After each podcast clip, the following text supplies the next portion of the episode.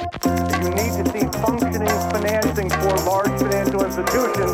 It's four o'clock on Wall Street. You know where your money is. Market Series Powell, $41 billion deal. deal. Dags för investerarens podcast. Det är 20 september när det här spelas in. Också juniorernas löningsdag i och med att barnbidraget har kommit in på kontot för de av er som har barn, för de av er, för dig som lyssnar på det här som är förälder. Bra timing kanske man kan tycka. Juniorerna har lång placeringshorisont och dessutom är det en ganska röd dag på börsen idag. Och det har det varit den senaste tiden. Förra veckan sjönk börsen 1,1% och OMXS30 vilket innebär att vi har haft tre negativa veckor i rad och det är första gången det här eh, sker faktiskt i år. I fjol hade vi en nedgång på fem veckor i sträck och det var under coronakraschen och de veckorna var ju desto rödare än vad årets tre negativa veckor har varit hittills. Det här spelas in måndagen den 20 som sagt. Det innebär också att jag har noterat hur börsen handlas idag. Vi är ner 2,5% idag. Så att eh, det, vi fortsätter den fjärde negativa veckan om vi inte räddar upp det här under slutet av veckan. Nåväl, veckan har i och för sig bara börjat. Men vad beror då nedgången på? Vad beror den, ehm, den flight to safety som vi nu ser på? Ja, svaret ligger i Evergrande Horror on Wall Street, det här fastighetsbolaget i Kina som är på allas läppar just nu. Därför måste vi naturligtvis prata om det här i veckans poddavsnitt. Och vad är då Evergrande? Jo, det är ett kinesiskt fastighetsbolag, mer av byggfastighetsbolag som bygger väldigt mycket Eh, någon form av konglomerat när det kommer till byggande men kanske med fokus på eh, mycket bostäder. Och det är ett bolag som sysselsätter 200 000 personer i Kina och har nu hamnat i trångmål efter en likviditetskris som gör att bolaget har svårt att betala sina skulder. Eh, och det här bolaget är en av Kinas största utvecklare av bostäder och ett av världens största börsnoterade bolag i termer av omsättning. Och det är klart, 600 000 bostäder, det låter väldigt, väldigt mycket. Det är väldigt mycket, men vi ska också komma ihåg att det är ett land med 1,4 miljarder människor. Nu bor ju inte alla i storstäder eller i de områdena kanske som Evergrande bygger, men vi har också en stark urbaniseringstrend i Kina. Så att de bygger väldigt mycket bostäder och har byggt omkring 600 000 bostäder årligen. Och i talande stund som jag förstår det så har de runt tre fjärdedelar av Manhattans yta under produktion just nu. Sen kanske det är svårt att veta exakt hur stort Manhattan är och du kanske har antingen så kanske du har varit där eller så har du inte varit där.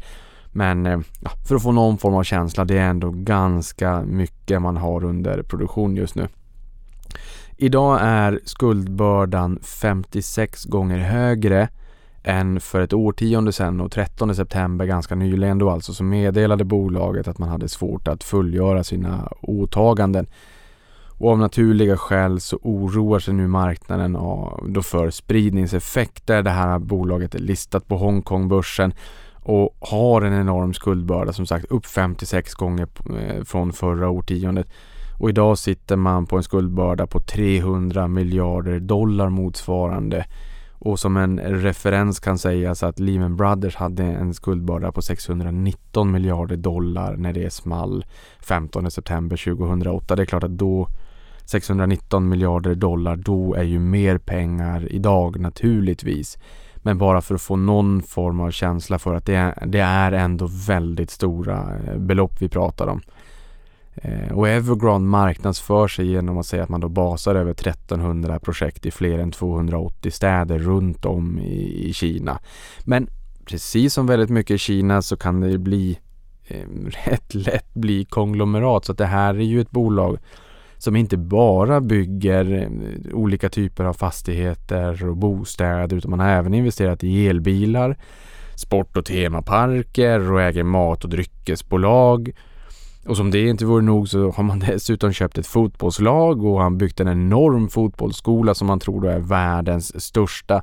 Och nu håller man även på att bygga en fotbollsarena som ser ut som en enorm lotusblomma för en nätt prislapp om 1,7 miljarder dollar. Frågan här är ju naturligtvis om det här bolaget är too big to fail. Jag kan tänka mig att från kinesiskt perspektiv så är det jobbigt att eh, dels vara ursprungsland, utpekat som ursprungsland då för coronaviruset, plus att man nu har ett rejält finger med i spelet när det kommer till de globala flaskhalsarna vi ser i logistikkedjor. Många av världens största hamnar återfinns ju i Kina och en stor del av världens produktion och export sker ju i Kina till väst. Och där har man eh, det här eh, nyligen öppnat upp en av världens största hamnar då man hade stängt den på grund av att man hade hittat, jag tror det var ett coronafall. Jag låter det i och för sig vara osagt men de har ju nolltolerans mer eller mindre för virusspridningen och det kan ju finnas en nytta i sig naturligtvis. Men man har ju någonstans befunnit sig mitt i det här med de globala, liksom, globala utmaningarna. Det kommer till logistikkedjor, flaskhalsar, flaskhalsproblematik och allt vad det är och nu Evergrande. Så å ena sidan så förstår jag att man inte vill låta det byggas upp systematiska risker i, i, i liksom ekonomin. Man har ju pratat under lång tid om det här med skuldfinansierad tillväxt i Kina, att det är bra, bra eller icke bra så att säga. Eh, och det har vi ju sett i USA också såklart att en stor del av deras tillväxt genom åren har också varit kreditfinansierad naturligtvis. Men här har man emellanåt de senaste åren har oroat sig över hur stor är den här problematiken i Kina? Kan vi lita på siffrorna? Eh, vad händer om det är så att bubblan skulle spricka och så vidare och så vidare. För de som kommer ihåg 90-talet i Sverige så kanske man kommer ihåg nyckeln ställde in betalningarna och det var startskottet på en mycket större kris. Frågan här med Evergrande, jag förstår ju att Kina vill att de liksom får vara ansvariga för sina egna bekymmer såklart. Men här har man ju eh, både pekats ut för coronaviruset och flaskhalsproblematik till viss del då globalt. Eh, jag undrar om det är så att man vill ha det här på halsen också, speciellt i ett läge när man vill att ekonomierna ska liksom visa en, en, en återhämtning från coronakraschen, coronapandemin och sen komma upp vidare och visa fin tillväxt. Många är ju tillbaka på nivåer som vi var 2019 men jag tror inte att man vill att det här ska bli smolk i bägaren och ytterligare någonting som brännmärks på Kina att man kommer ihåg det här som liksom förstörde eh, festen. Det återstår naturligtvis att se. Man kan väl sammanfatta det med att det är en speciell situation och en stor del av bolagets tillväxt har varit möjlig just på grund av lånefinansiering. Men nu har de stött på likviditetsproblem och utmaningar att hitta köpare till projekten. Det här är naturligtvis en utmaning, då hopar sig problemen snabbt också. Det går förmodligen alldeles utmärkt att lånefinansiera sina projekt. Men är det så att man börjar flagga upp för att man inte kan betala sina eh, räntor löpande eller att man börjar få problem att hitta köpare till de färdigställda projekten. Ja men då blir det ju lätt väldigt jobbigt. Och jag vet inte vad man har för krav i Kina men i Sverige brukar det väl vara så att kanske säg 75% av bostäderna ska vara bokade innan man sätter spaden i marken. Vad som gäller i Kina det vet jag faktiskt inte. Ehm, men det är klart att det är ju enkelt att finansiera sig och fortsätta växa så länge det är lätt att låna på, på eh, kreditmarknaden. Ehm, men att man nu skulle låna upp mera pengar på marknaden för att betala sina räntekostnader och skjuta det här framför sig, hoppas på att kunna sälja projekt och sen så kunna komma ur det här med, med eh, någorlunda skinnet i behåll. Det är väl någorlunda otänkbart just nu och det här har ju lett till ett rejält risk-off sentiment där man ser en ordentlig rotation på marknaden till säkrare tillgångar vilket fick oljan att sjunka, räntor att sjunka och räntorna sjunker ju för att det är många som köper räntepapper. Ehm, så att priset på räntepapperna stiger och då sjunker ju yielden. Ehm, och sen fick man också se dollarn stärkas och dollarn är ju traditionellt sett ett safe haven och det kanske också någonstans när det stökar till sig lite grann på marknaden kan vara en liten krockkudde för de av våra kunder som äger utländska tillgångar, alltså amerikanska aktier. Att ja, det är klart att de påverkas ju också. Men det är större sannolikhet att utlänningar säljer av lite svenska värdepapper när man drar ner på risken än att man säljer av amerikanska blue chips exempelvis eller amerikanska eh, techbolag för den delen. Det är väl många av dem som jag tycker eh, definitivt kvalar in som blue chips också. Och där bör man, när man ser rotationen tillbaka till, till dollar eh, i, i risk-off sentiment, ja men det stöttar ju på nedsidan. Det agerar ju krockkudde med att sitta på dina amerikanska papper då som är denominerade i dollar. Det agerar ju en viss krockkudde på, på nedsidan. Eh, men de som har ägt Evergrandes aktier har sett placeringen minska 80% year to date och obligationsinnehavarna har också sett sina placeringar tappa dramatiskt i värde Eh, nu har vi ju liksom, de är värda en fraktion av face value. Där hör, lyssnade jag på en amerikansk podd i helgen också där man pratade om men, hur stor exponering har exempelvis Blackrock mot eh, Eh, mot eh, Evergrande och Blackrock är väl den näst största ägaren på Stockholmsbörsen också efter Investor. Eh, och där menar man ju på att det här har ju eh, både de som har ägt aktier men även skuldinvesterare på kreditmarknaden. Det här är ju ingenting som är nytt på något sätt att de har utmaningar utan det här har ju synts dessförinnan redan tidigare. Däremot så är det väl lite nytt det här då från 13 september där man gick ut och flaggade för att nu, nu är det verkligen allvarligt. Så det återstår att se. Det är det som är den absolut största snackisen i finansbranschen eh, på marknaden just nu och det är också det som styr risksentimentet så att vi får väl helt enkelt se om det är det här som gör att vi får årets första korrektion i Sverige. Amerikanska S&P 500 stängde också under MA50 i fredags, alltså 50 dagars glidande medelvärde och har därmed 7,5% kvar ner till MA200 som är det mera långa glidande medelvärdet. Det korta, det har vi brutit igenom. Det långa, det är en bit kvar dit ner. Naturligtvis så öppnar amerikanska börsen eh, ner idag efter de här nyheterna och eh, efter eh, utvecklingen både i Asien men även i, i Europa nu idag då. Det här leder till ett mer baissigt sentiment och Yahoo Finance menar att eh, mindre eller färre än 75% av aktierna i amerikanska S&P 500 befinner sig över MA200 och det här är första gången på 10 månader. Eh, och därmed har man också avslutat den längsta streaken sedan 1928. Eh, och det kan man väl i och för sig se i Sverige också. Det är faktiskt väldigt många bolag på Stockholmsbörsen som är ner rätt mycket från respektive eh, högsta nivå i år. Eh, den genomsnittliga nedgången på de 394 aktierna vi har på Stockholmsbörsen är 20 Så ett korrektionsfas i genomsnitt, där är vi redan. Eh, vi är nästan i, i bear market territory också, alltså en nedgång på minst 20 från toppen. när man tittar på samtliga aktier. Tittar vi värdeviktat istället på index så ser vi ju att det, vi är ner en 5-5,5% från eh, högsta nivån i år. Så så där är väl inga, ingen jättedramatik men det här är ju också någonting som gör att det är ett, ett eh, gott klimat för stockpickers kan man väl säga. Börsen ser inte ut att ha fallit jättemycket men enskilda bolag har verkligen fallit desto mer får man väl säga.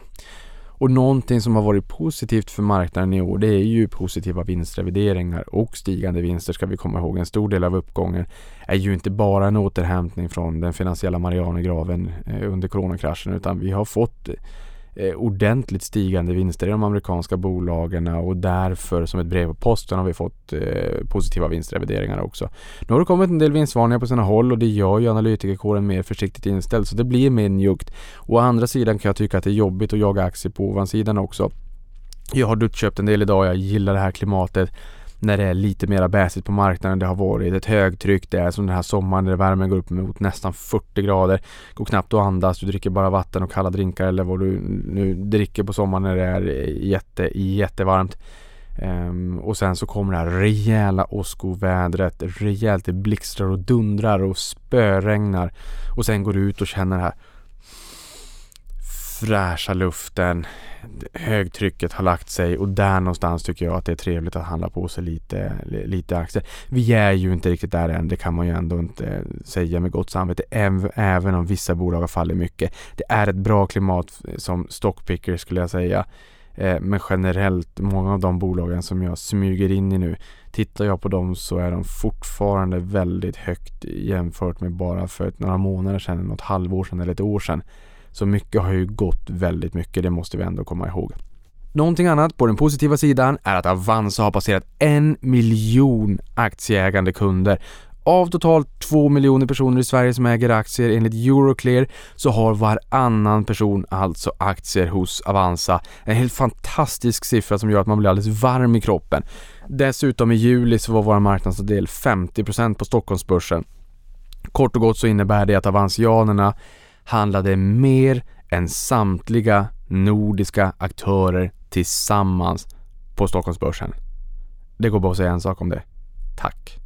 Så när Goldman Sachs börjar fundera på bolagen som, man, som kan expandera sina marginaler här också. Det är klart, vi har, eh, liksom, vi har lite motvind nu. Vi går in i kvartal där det är tuffare jämförelsetal. Vi har inflation som stiger. Det är i mångt och mycket på grund av fraktrater som stiger, insatsvaror, råvaror som kostar mer. Eh, personalkostnader som drar iväg. Eh, och allt det här leder ju till både flaskhalsproblematiken som vi har pratat om men såklart även stigande inflation. Både för eh, eh som konsumentprisindex men även eh, producentprisindex eller liksom producenterna, insatsvarorna för företagen. Och någonstans så måste det här vältra över i, i högre priser för kunderna. Eh, än så länge har man lyckats absorbera det som kund. Vissa bolag lyckas ju i bättre utsträckning att föra över kostnadsökningar på kunderna och vissa lyckas sämre. Och det är väl i det här fallet då Goldman Sachs intresserar sig för de bolagen som är duktiga på att föra vidare kostnadsökningar på, eh, på sina kunder och kanske kan minska den här motvinden härifrån och framåt. Um, och det är ju de bolagen som har pricing power, vallgravar och pi- eh, pricing power. Och det här kan ju leda till en fortsatt marginalexpansion. Eh, så de bolagen som Goldman Sachs tror kan stärka sina ebit-marginaler härifrån är Alcoa, världens största aluminiumproducent, AMD eller Advanced Micro Devices som var en länge en, en liten utmanare till Nvidia. De här har ju gått som ett skållat troll så nu är de ju inte så små utmanare till Nvidia längre. Sen har vi Microsoft, United Rentals, Starbucks, Chammers och Salesforce som är konkurrenten till europeiska SAP. Jag vet inte om de hade sagt att de var konkurrenter. Det hade de ju förmodligen. Man får inte sitta på höga hästar. Och på tal om SAP, det är ett tyskt bolag och där är det också så att tyska prestigeindexet DAX genomgår den största förändringen sedan starten 1988. Och det innebär att indexet går från 30 till 40 bolag där tonvikten på fordonsindustrin exempelvis minskar i, i relation till förmån för bolag inom bland annat pharma och medtech. Och för er som har lyssnat på senaste avsnittet av Avanza-podden där gästas vi av Karl Lantz. Han älskar tyska aktier. Hans respektive är tyska, de pratar mycket tyska hemma, de är ofta i Tyskland. Hans svärfar jobbar på ett tyskt börsnoterat bolag. Han tycker att Karl är alldeles galen som jobbar med aktier för de tycker att aktier är mycket, mycket högre risk än vad vi kanske tycker här i Sverige. Även om jag har förstått att det där håller på att ändras lite grann. Eh, det jag försöker säga är att Lansen han gillar verkligen tyska aktier och det är inspirerande och roligt att lyssna till honom när han hittar sina guldkorn. Han gräver mycket och han gräver djupt och hittar spännande guldkorn. Och där mm, berättar han också om och pratar mycket om DAXen och vad det här innebär och vilka bolag som kommer in och sådär. Så att lyssna på det senaste avsnittet om du vill lära dig lite mer om tyska DAXen och varför det här är ett av världens viktigaste index naturligtvis, speciellt för den europeiska marknaden och hur indexet faktiskt nu förändras ordentligt eh, och karaktäristiken då. Sen har vi aktierna som köptes mest förra veckan hos Avanza, SBB, Caliditas Therapeutics, Moment Group, Greenwich Generation och Nibe. Och det här är de bolagen som återfinns på Stockholmsbörsen. Och med de orden så är det dags för ett nyhetssvep. Ganska långt sådant. Eh, less is not more in my mind, det vet ni ju. Vi börjar med återköp på den amerikanska marknaden som börjar få upp momentum igen. I talande stund har bolagen aggregerat återköpta aktier för 566 miljarder dollar jämfört med 307 miljarder dollar i fjol.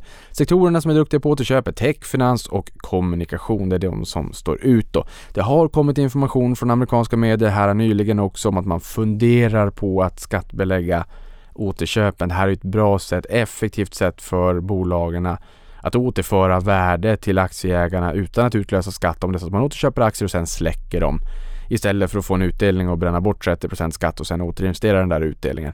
De har ju inte på samma sätt ISK och kapitalförsäkring som, som vad vi har i Sverige. Det är ju lite mer av ett icke-problem för oss. Eh, vi får se om det blir någonting av den saken. Sen har vi Kina igen. Efter hårdare tongångar mot gamingindustrin är Tencent inte längre ett av världens tio största bolag mätt i marknadsvärde. Konglomeratet har tappat 390 miljarder dollar i marknadsvärde och därmed läm lämnat över stafettpinnen, prestigeplatsen till Nvidia. Jensen Huang, grundare och VD för bolaget, delgrundare och VD för bolaget Nvidia, spännande, spännande bolag. Ehm, så att grattis till dem att ta sig in på tionde platsen. Sen har vi Kinnevik som investerar 100 miljoner US-dollar i Spring Health, en ledande global tjänst för psykisk hälsa. Eh, och det här med psykisk hälsa och psykisk ohälsa är förmodligen någonting vi kommer prata väldigt, väldigt, väldigt mycket mer om i samhället i stort eh, post pandemic när man öppnar upp och vad eh, hela den här pandemin och eh, självisoleringen har lett till. Bolaget som hjälper arbetsgivare att modernisera sina erbjudanden inom beteendemässig hälsa kan sätta en ny standard och bli marknadsledare enligt Kinnevik. Sen har vi Svolder som rapporterade under veckan och bjöd sina investerare på ett substansvärde som steg 96% under senaste verksamhetsåret. Det är jämfört med Carnegie Small Cap Return Index, märk väl åter, återinvesterande index, avkastningsindex som steg med 44 procent. Viktigt här också det är att jag nämnde substansvärdet, inte aktiekursen. Aktiekursen har gått lite mer, men det är ju substansvärdet som bolaget kan påverka. Sen är det marknaden som sätter en premievärdering eller en substansrabatt. Men det bolaget ska göra det är ju att öka värdet i bolaget så mycket som möjligt, öka substansvärdet. Senaste 28 åren har substansvärdet inklusive återinvesterad utdelning stigit med 17% om året i snitt mätt som en kagger-siffra. Vilket är imponerande. Sen har vi företagskonglomeratet Storskogen som meddelar en vecka att de avser notera sina B-aktier på Stockholmsbörsen. Bolaget äger idag med fler än 200 bolag inom affärsområdena handel, industri och tjänster. Och hittills i år har de förvärvat 43 bolag eh, så att de har absolut inte legat på latsidan. Och givet den nivån som ankarinvesterarna eh, har sagt att de köper aktier på så indikerar det ett börsvärde på 56,4 miljarder kronor. Sen har vi Adobe som ger sig in i e-handelssegmentet med en ambition om att börja konkurrera med giganten Shopify. Adobe har ju redan haft mjukvaror för de som gör eh, webbsidor etc. De, Adobe äger ju bland programmen som jag använder för att göra den här podden. Det är både Adobe Audition som jag spelar in i, Adobe Premiere som jag redigerar i, även om det är videoredigering som är tänkt och sen har du Photoshop och du har en hel palett av en herrans massa programvaror, inte minst inom augmented reality och virtual reality finns det också en herrans massa. Jag såg en keynote, en presentation på Youtube från Adobe senast igår. De gör mycket, de flesta bolagen gör ju såklart mycket, men man har också gett sig in i e-, e-handelssegmentet sedan en tid tillbaka via ett förvärv, men man har inte haft en egen betallösning. Eh, nu ska man få en sån på plats. Man har samarbetat eller börjat samarbeta med Paypal vilket innebär att man adresserar och eh, börjar kampera med Shopify som har varit Kanada börsens största solskenshistoria någonsin. Bolaget som noterades i maj 2015 har stigit 5200 procent sedan dess. Vad det här kan föra med sig blir naturligtvis intressant att se framåt. Jag säger också grattis till de som lyssnade på Morgan Alling när han var med i tidigare podden som var innan investerarens podcast, Prata pengar som vi körde tillsammans med Unga Aktiesparare. Jag kommer inte ihåg vilket år det var eh, Morgan gästade, kan det ha varit 2017 kanske? Där pratade han om Shopify. Ehm, det har varit en fantastisk resa. Tack Morgan! Sen har vi halvledarbolaget Texas Instruments som höjer utdelningen för 18 året i rad. Kvartalsutdelningen höjs med delikata 12,7% vilket gör att direktavkastningen landar på en de modesta 2,3 och förutom halvledare tillverkar de även avancerade miniräknare, vilket de flesta tror jag känner igen dem ifrån när man hör namnet Texas Instruments. I alla fall de som har läst kurser med mycket matte på gymnasiet eller universitetet. Sen har vi Volvo Cars som kan komma att noteras inom några veckor enligt källor till Reuters. Bolaget söker en värdering om 20 miljarder dollar motsvarande 171 miljarder kronor och i sånt fall kan det bli en av Europas största noteringar i år och bäst av allt, det verkar vara Stockholmsbörsen som är aktuell. Trevligt för oss. Welcome home. Sen har vi Microsoft som höjer utdelningen för 20 året i rad och utdelningstillväxten landar på delikata även här 10,7 procent. En god löneförhöjning i portföljen springer mycket snabbare än löneförhöjning i inkomst och tjänst som kanske springer en 2 för de flesta. Inte alltid hänger ikapp med inflationen. Varpå direktavkastningen för Microsoft då landar på beskedliga, får man ändå säga, 0,8% Det är också ett delikat problem när aktiekursen sticker mycket. Det gör ju att eh, direktavkastningen inte blir speciellt delikat. Å andra sidan så amerikanska bolag som ett eh, snitt skulle jag väl ändå säga att bolagen på S&P 500 det är nästan 50-50 när det kommer till eh, mixen eh, mellan utdelningar och eh, återköp. Många bolag som har en utdelning genomför ju även återköp. Så vill man ha den totala värdeöverföringen, distributionen till aktieägaren så måste man ju faktiskt räkna in de, de två. I Sverige är vi ju lite mer njuggt inställda kanske till återköp och det handlar ju lite grann också om att då blir du någon form av stockpicker och vad händer om du återköper bolagets aktier vid, vid ett tillfälle där det kanske inte är bäst att återköpa. Oftast i sämre börstider när det blåser rejäl snålblåst så brukar eh, återköparna minska. Och när det är goda tider så brukar ut, eh, återköpen öka. Eh, man köper alltså efter uppgång och man säljer efter nedgång motsvarande. Vilket kanske inte är eh, jättebra. Eh, så. så har vi Netflix som kommer att hålla sitt största fan-event någonsin. Största och första den 25 september via en livestream där de kommer upp att eh, då visa upp kommande content. Spännande. Sen har vi Dometic som tillverkar produkter bland annat till husvagnar och husbilar. De gick mot strömmen här under veckan under på en baissig dag Eh, efter nyheten om att de förvärvar amerikanska Iglo för 677 miljoner dollar. Eh, fantastiskt namn eh, måste jag ändå säga. Ehm, frysprodukter, Iglo, det kan liksom inte bli bättre. Sen har vi speloperatören Betsson också som där vi fick ehm, besked om att VDn Pont och grundare Pontus Lindvall kommer att avgå. Det här var ju någonting som tog marknaden lite grann på sängen. Eh, det här hade man nog inte räknat med. Sen sist men inte minst i veckan börjar CTEC handlas och Latour blir största ägare med 31% av kapitalet. Handelsstarten planerad 24 september och eh, det vill säga fredag då. Och senast Latour var ankare var i samband med Troax notering 2015. En intressant produkt som de har bland annat det är ju nu när de går upp och kamperar mot eh, liksom i elbilsegmentet. Där är väl Garo störst. Men sen kommer ju CTEC och de ska ju ha en eh, portabel variant. Man får väl ha trefas. Nu är jag ute och cyklar med termerna men jag antar att det är det man kallar det för. Så att du kan ladda en portabel laddare hemma och sen kan du ta med den och ladda bilen vart du än befinner dig. Så ska du ut på en liten fjällvandring så kan du sätta i den här portabla laddaren i bilen och sen är det färdigladdat när du har gått den här eh, vandringen eller tagit den här fikan eller vad det kan tänkas vara. På något sätt måste man ju bara säkerställa så att inte den där blir stulen för annars får man ju stå och bevaka den där och det är kanske inte det är riktigt som är tanken. Men det här gör ju också att det kanske öppnar upp eh, enklare möjligheter för de människorna som bor i lägenheter etc.